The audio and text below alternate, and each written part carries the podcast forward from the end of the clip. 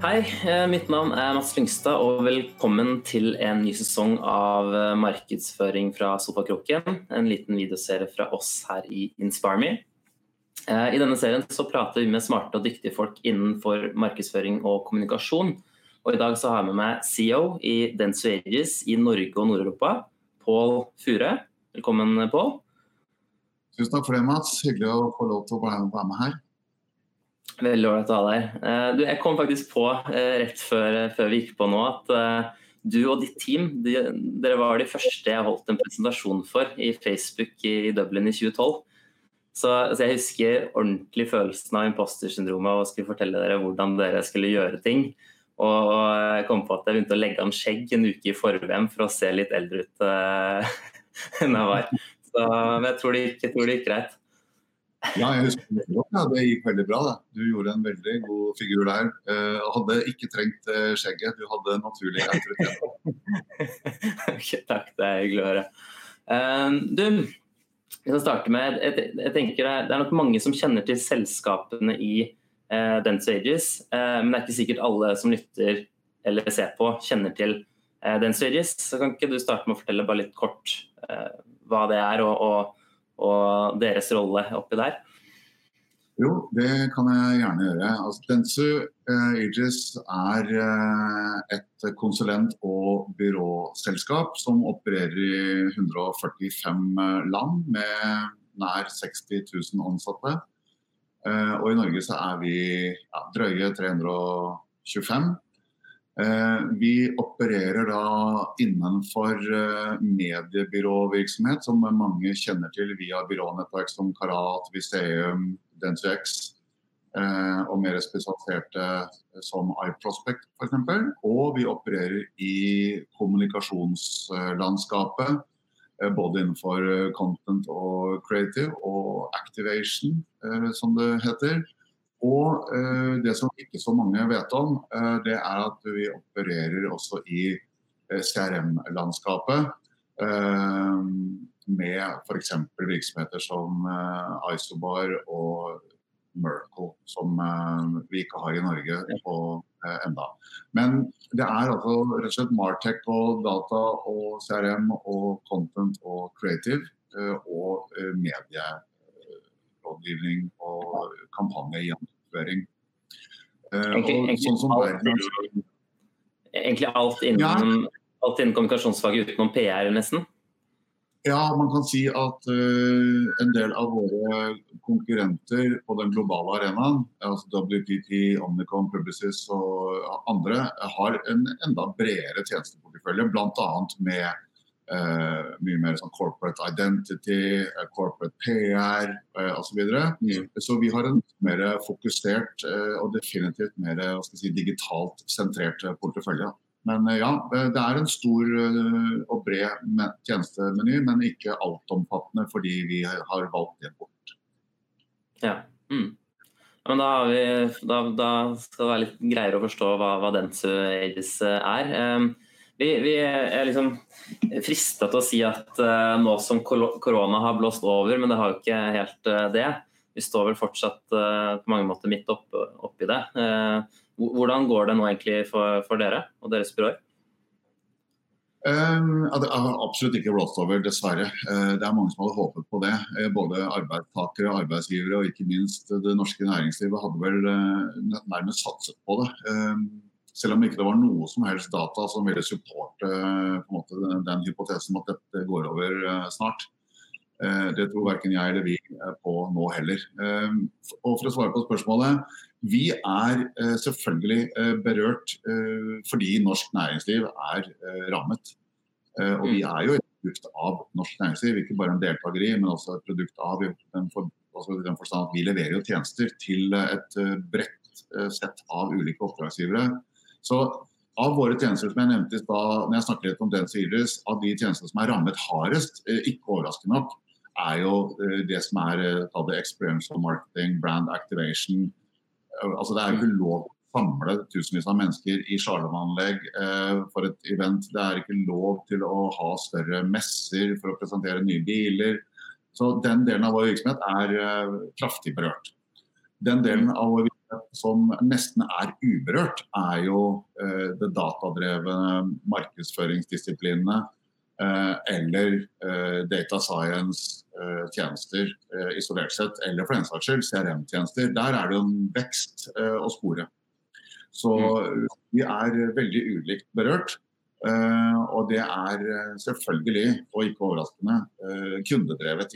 Noen kunder er i sektorer som Eh, som rett og slett fikk et eh, forbud altså mot sin virksomhet. Altså Sats for kunne jo da ikke drive sine treningssentre eh, på, på, lang tid. og Det er klart det berører dem hardt, og oss. Og så er det andre som ikke ble berørt, men som selvfølgelig hadde en, si, en, en omstillingsfase før de fant ut hvordan man kunne drive forsvarlig innenfor covid-19 Eh, ja. si, både faren, men også rammebetingelsene, som f.eks. Elkjøp eller Norgesgruppen. Altså, folk Finne ut litt hva man kan si og ikke si i koronasituasjonen, eh, rett og slett? Før man ja, og, trykker. Klart, og hvordan man faktisk kan agere på en forsvarlig måte. For det, det er ikke enkelt å drive butikk uh, med de retningslinjene og restriksjonene man har. Uh, både hva gjelder hele verdikjeden av varer og tjenester fram til uh, oss som er sluttkunder, men også Eh, som du sier da, eh, hvordan man velger å eh, kommunisere i som. Så alle våre oppdragsgivere er berørt, mer eller mindre.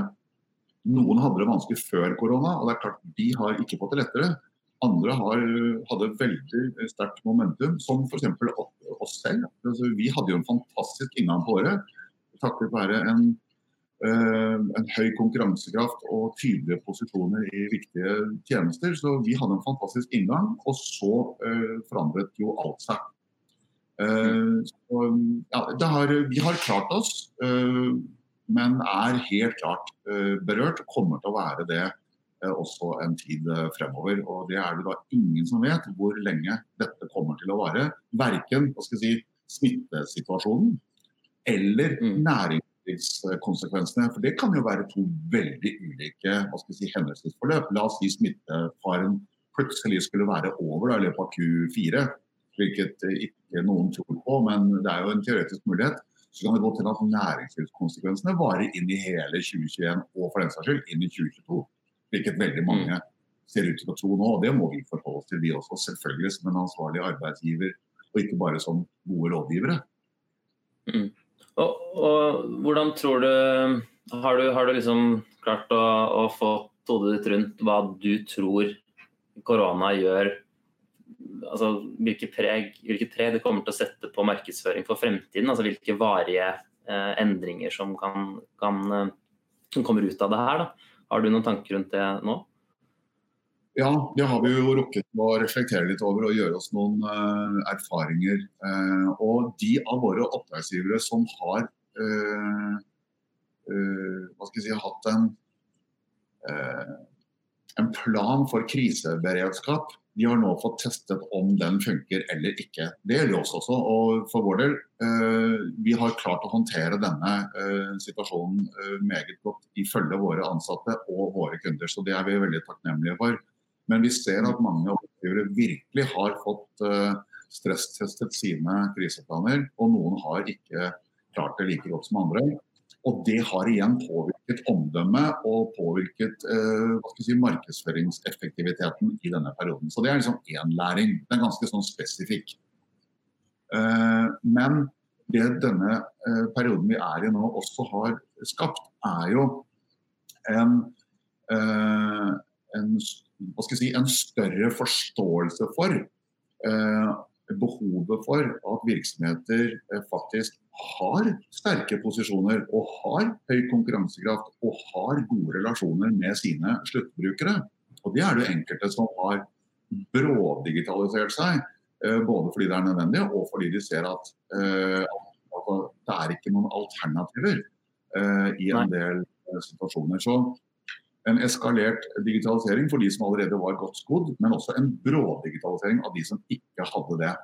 Og da tenker jeg, mm. et tredje punkt, eh, så er det jo det at det å ha effektive arbeidsprosesser, det høres ut som en uh, uviktig ting i den store og det hele sammenhengen, men alle våre oppdragsgivere har lært seg effektive arbeidsprosesser i løpet av denne perioden. Og det har gjort at markedsføring både har blitt mer eh, effektivt, og eh, at man har fått en, si, en bedre eh, flyt i hele verdikjeden i marketing, hvilket også har en positiv kostnadseffekt.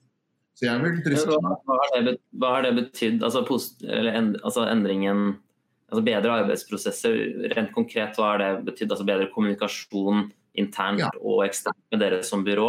Rett og slett flyten på, på kommunikasjonen og hvordan man samarbeider dere dere imellom, eller?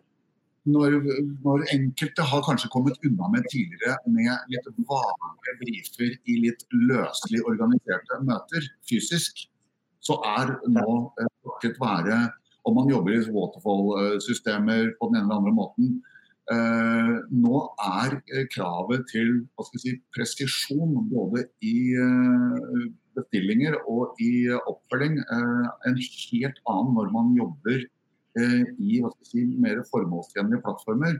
Så om man jobber i Teams eller hva man gjør. Så jeg tror presisjonen og ikke minst informasjonsflyten og dokumentasjonen underveis har rett og slett økt eh, på en markant og gledelig måte, som er til det beste for eh, marketingfaget. Eh, mm. Det har blitt bedre kommunikasjon i den andre enden, det skal ikke jeg avgjøre. Men jeg ser at arbeidsprosessene har blitt mer effektive, og med det så mer ressurssmarte. Og det er bare av det gode. Så det er en liten vi, men en nødvendig og gledelig bieffekt. Men jeg tenker at det vi gjør på marketingfaget generelt, er rett og slett at virksomheter har nå fått sett i hvitøyet om deres posisjon er sterk nok, om konkurransekraften er høy nok. Og jeg, mm. vi er imot ganske mange prosesser nå eh, for eh, oppdragsgivere som har sett at her må vi gjøre noe.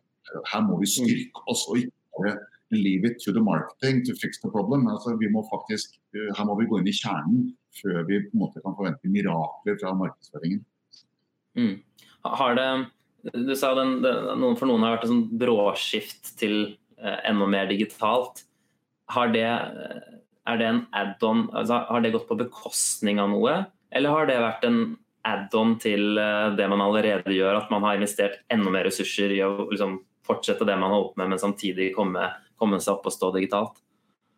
Eh, jeg vil si I all hovedsak så er det jo Det kommer med kannibalisering på andre virkemidler. Eh, faktisk Det er enda drøyere enn det. Altså, hvis man sier at hvis ressurstilgangen var X før korona, eh, så er den X minus 15% nå. Og innenfor de X minus 15% så er det en favorisering av digitalisering. Og da går det på bekostning av ikke.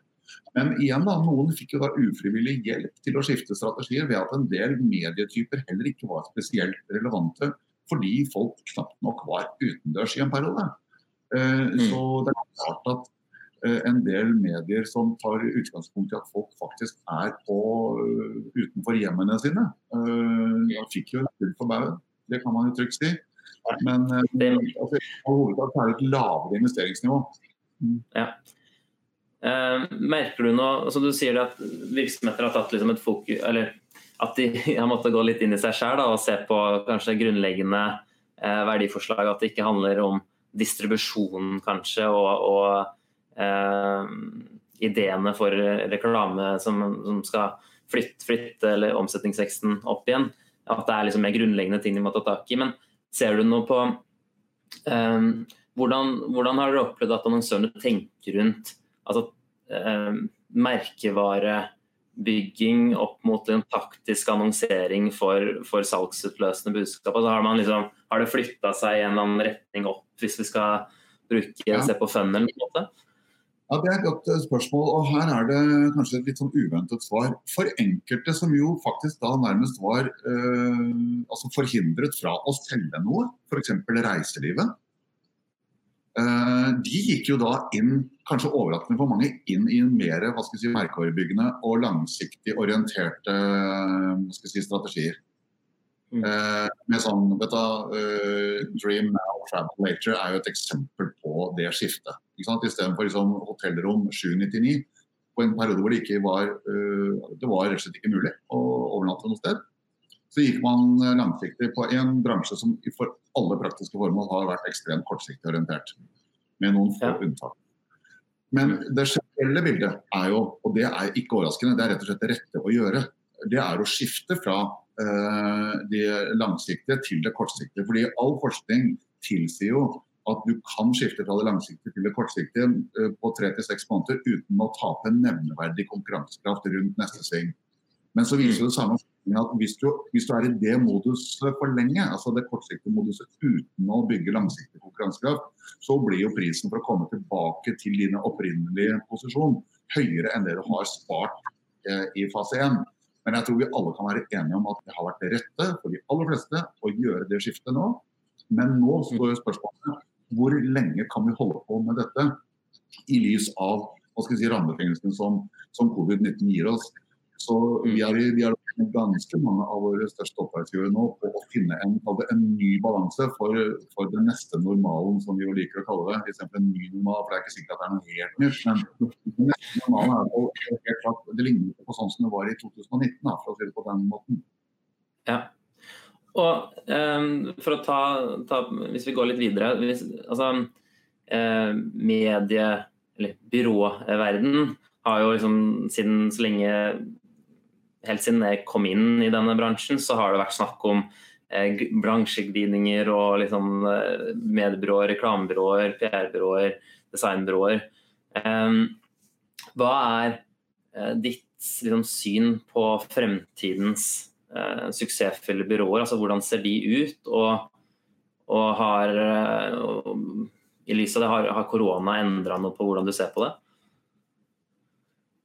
Eh, det er jo et innholdsrikt spørsmål. og Jeg tror jeg har eh, perspektivet på de ulike bestanddelene i det du tar opp her nå. Eh, jeg begynner med siste først, selv om det kanskje er litt uansvarlig. Ja, korona har, har vært med på å fremprovosere en nødvendig nytenking hos mange som i utgangspunktet drev med uforsvarlig lave marginer. Altså, det hadde de måttet fikse uansett. Men nå mm ble det brutalt tydelig for dem at eh, og med da en ordrenedgang hos mange eh, byråer der ute, eh, og med påfølgende konkurser både som har skjedd og som helt sikkert kommer til å prege denne høsten og inngangen til neste år. Noen har fått rett og slett helt litt ekstra iskaldt vann i årene. Så ja, det er covid-spesifikt. For å svare på, på måte, inngangen på spørsmålet ditt, da, på på hva er det som kjennetegner suksessrike eh, byråer. Eh, det er, for å si det på den måten, den merkelappen eh, og den strukturen på byråmerkelapper som du nevnte, er jo en, er liksom en, blast from the past. Og ikke noe kritikk til deg, for at dette er sånn det snakkes om PR-byråer og reklamebyråer og mediebyråer. Og det er til og med noen som bruker sånn støvete 90-tallsord som digitalbyråer. Eller, altså, det finnes mange, det mange byråer som er nærmest antikvariske. Det er riktig at de fleste byråer har en eh, historikk eh, i en eller flere av de gamle merkelappene. Eh, mm. Men det er et PR-byrå i Norge som vil eh, bare definere seg som det. Man er kanskje kommunikasjonsbyrå, og man eh, lager til og med litt experiential marketing hvis man er i den sektoren. Så det er en, eh, en ny eh, si, byråstruktur i emning. Den er i støpeskjeen. Det er ingen som vet helt hvordan byrå- og konsulentselskapsverdenen kommer til å se ut. Det som er helt sikkert, Den kommer ikke til å se ut akkurat sånn som nå. Den kommer ikke til å se ut akkurat sånn som den har vært. Men helt nøyaktig hvordan det kommer til å se ut, det er eh, for de fleste ukjente. Men vi har noen perspektiver på det. Eh, at det er, det er noen hovedtyper tjenester som det er naturlig for næringslivet å eh, på en måte pakke sammen på en familiær måte. F.eks. det som er knyttet til det å planlegge og gjennomføre kampanjer. Som å si, jeg mener det mediebyrå. Det er ikke nødvendigvis, men det å planlegge og gjennomføre kampanjer, det er noe som både næringslivet strukturerer på den måten, og som byråer eh, speiler og strukturerer på den måten. Eh, og så Det å lage innholdet til de kampanjene, det er også naturlig at det er beslektet. Og at ikke man lager sånn vanntette skott mellom eh, innhold til egne kanaler og innhold til reklamekanaler. Så det er noen, det er noen familier av oppgaver og tjenester som er naturlig å clustre sammen. Så planlegge og gjennomføre kampanjer, lage innhold til kampanjer eller aktiviteter, om de er kjøpte eller fortjente eller egne kanaler. Det, det er litt uvesentlig i den sammenhengen. Og så er det uh, dette som på en måte krysser da mer inn i hva skal jeg si, uh, mer sånn teknologiselskap-territorium. Som er det å uh, ikke bare samle inn og systematisere og analysere data, men også å gjøre det operasjonaliserbart for eh, ikke bare markedsføringsformål, men for alle typer virksomhetsformål som er langt utenfor marketing. Og Det er jo der vi har anstrengt oss eh, i mange mange år nå for å bygge en, um, en ny og, eh, og annerledes tjenesteportefølje som vi har lykkes veldig godt med. Det er blant de større løftene jeg har vært med på. For det å gå inn i søk den gang da, som jeg var en ivrig pioner uh, i, det Jeg vil ikke si det var mindre viktig, men det var mindre ressurskrevende. Det å mm. gå inn i og Martech er like viktig, men mye mer ressurskrevende. For det, det, det, er, det, er, ikke bare en byråvirksomhet, det er en teknologivirksomhet. Så mm. for å, å svare på spørsmålet på en noenlunde fornuftig måte eh, Hvordan byrålandskapet kommer til å se ut? Eh, litt delte meninger om det. Vår oppfatning i Densu er at eh, det er helt klart en bransjeglidning mellom det som var de klassiske byråmerkelappene, helt klart, men også en bransjeglidning mellom det som er teknologiselskaper eh, og konsulentselskaper, og det som er og har vært byråvirksomheter. Der er det en helt åpenbar bransjeglidning både på det globale og det nasjonale nivået. Mm. Så, er det, men kommer det til å bli da rundt de tre områdene du, du nevnte her nå, med, med, med eh, planlegging og gjennomføring av kampanjer, altså distribusjon da, på, et vis, eh, og, og sørge for at det når, når, ut riktig. Og så har du innholdsproduksjon og så har du teknologi. Er det, er det, det kommer til å kløstre seg byråer rundt de tre um, områdene, da, slik du ser det. det vil være vanskelig å kunne levere altså Dere som en gruppe da, den Stages vil kunne klare å levere på en gruppe, men det er individuelle byråer som må klare å ha eierskap, eierskap, til de ulike områdene for at det skal ikke bli for stort måte, og ikke bli for uh, smørt for tynt?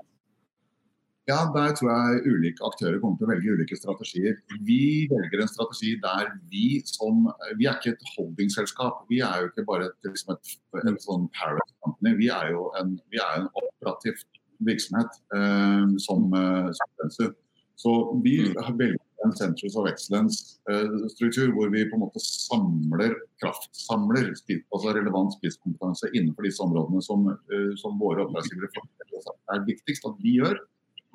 Og så koordinerer vi det.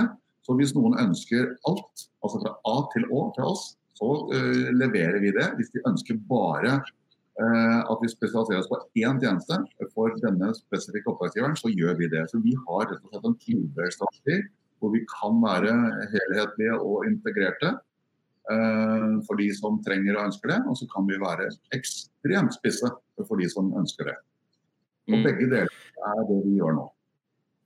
Men et sånn eh, spørsmål, fordi De merkelappene, PR-byrå, eh, digitalbyrå, performancebyrå, mediebyrå um, som sier, Det har vært Eh, det, det, er fra fortiden. Men tror du ikke det ligger noe litt igjen eller Min opplevelse er at de merkelappene henger jo også litt igjen fordi eh, man opplever at kanskje mange byråer ikke helt har omstilt seg eller blitt noe mer. Altså, det er mange byråer jeg ser som kanskje kaller seg ønsker liksom et servicebyrå eller ønsker å kalle seg noe annet, men til, men til syvende og sist så er 90 av omsetningen f.eks. PR eller søk.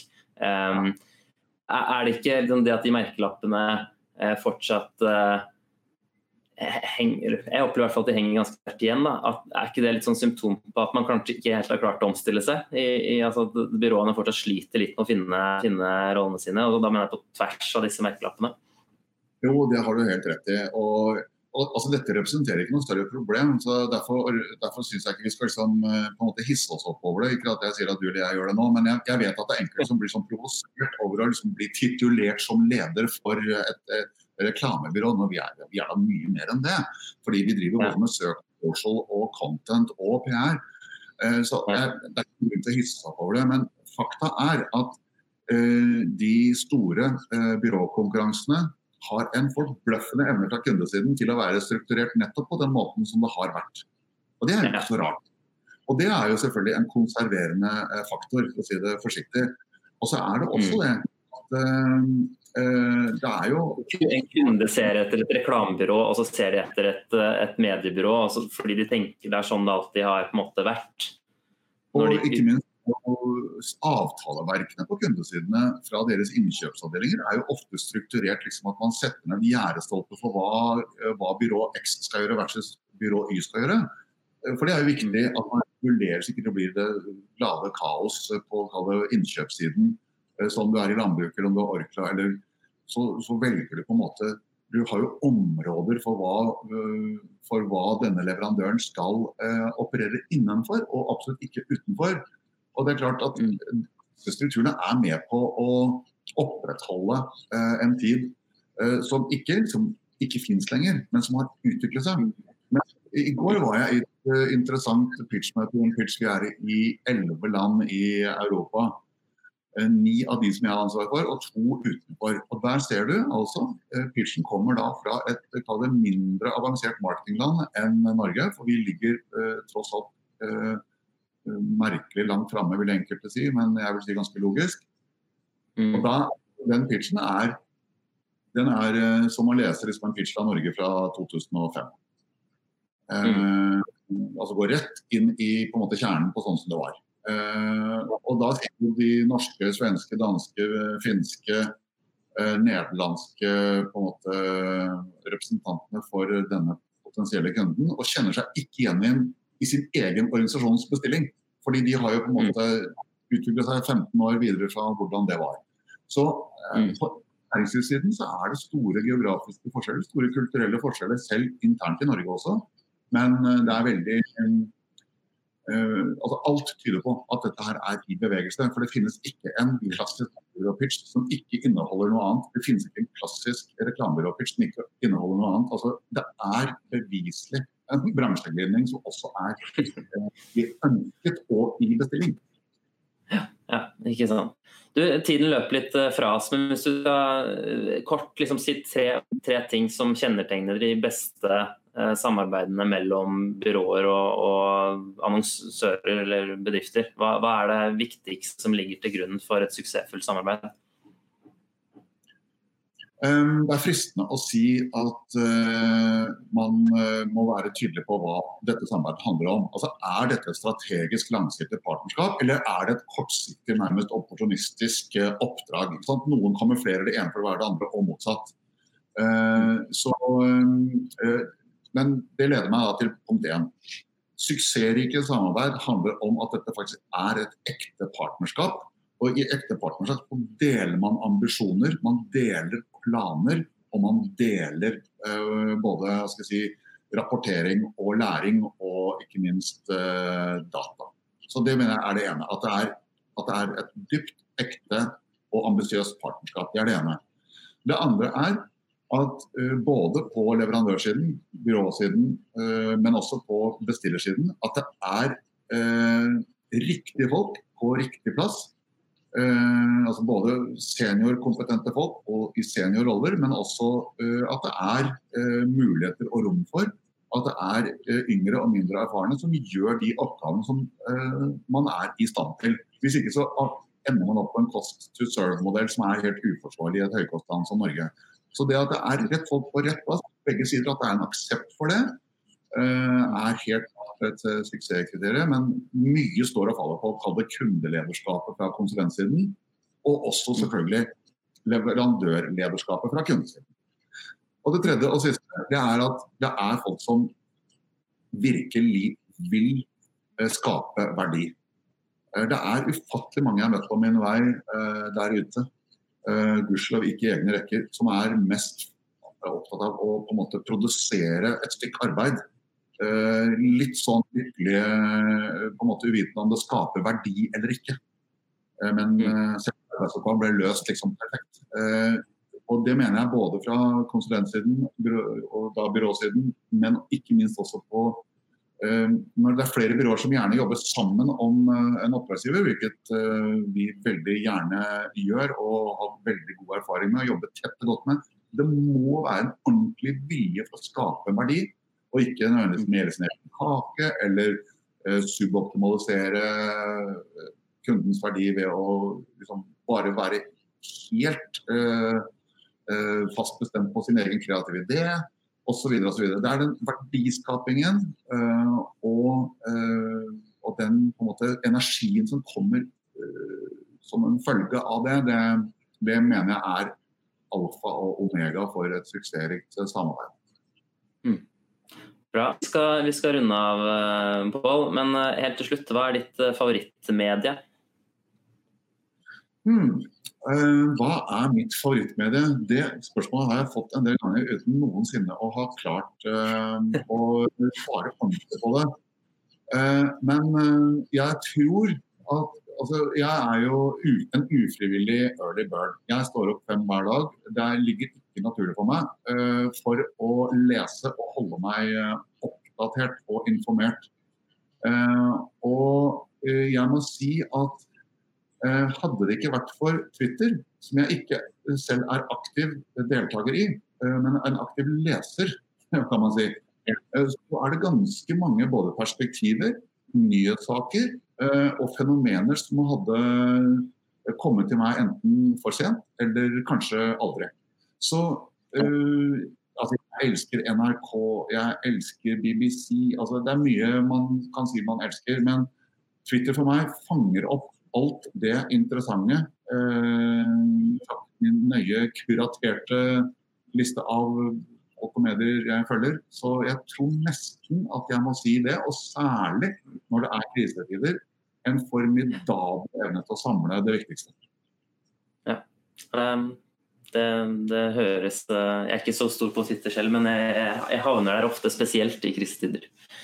Det er uh, veldig interessant. Du, tusen hjertelig takk for uh, praten, Pål. Eh, så eh, jeg setter veldig pris på det. Så får du ha en strålende, strålende dag videre.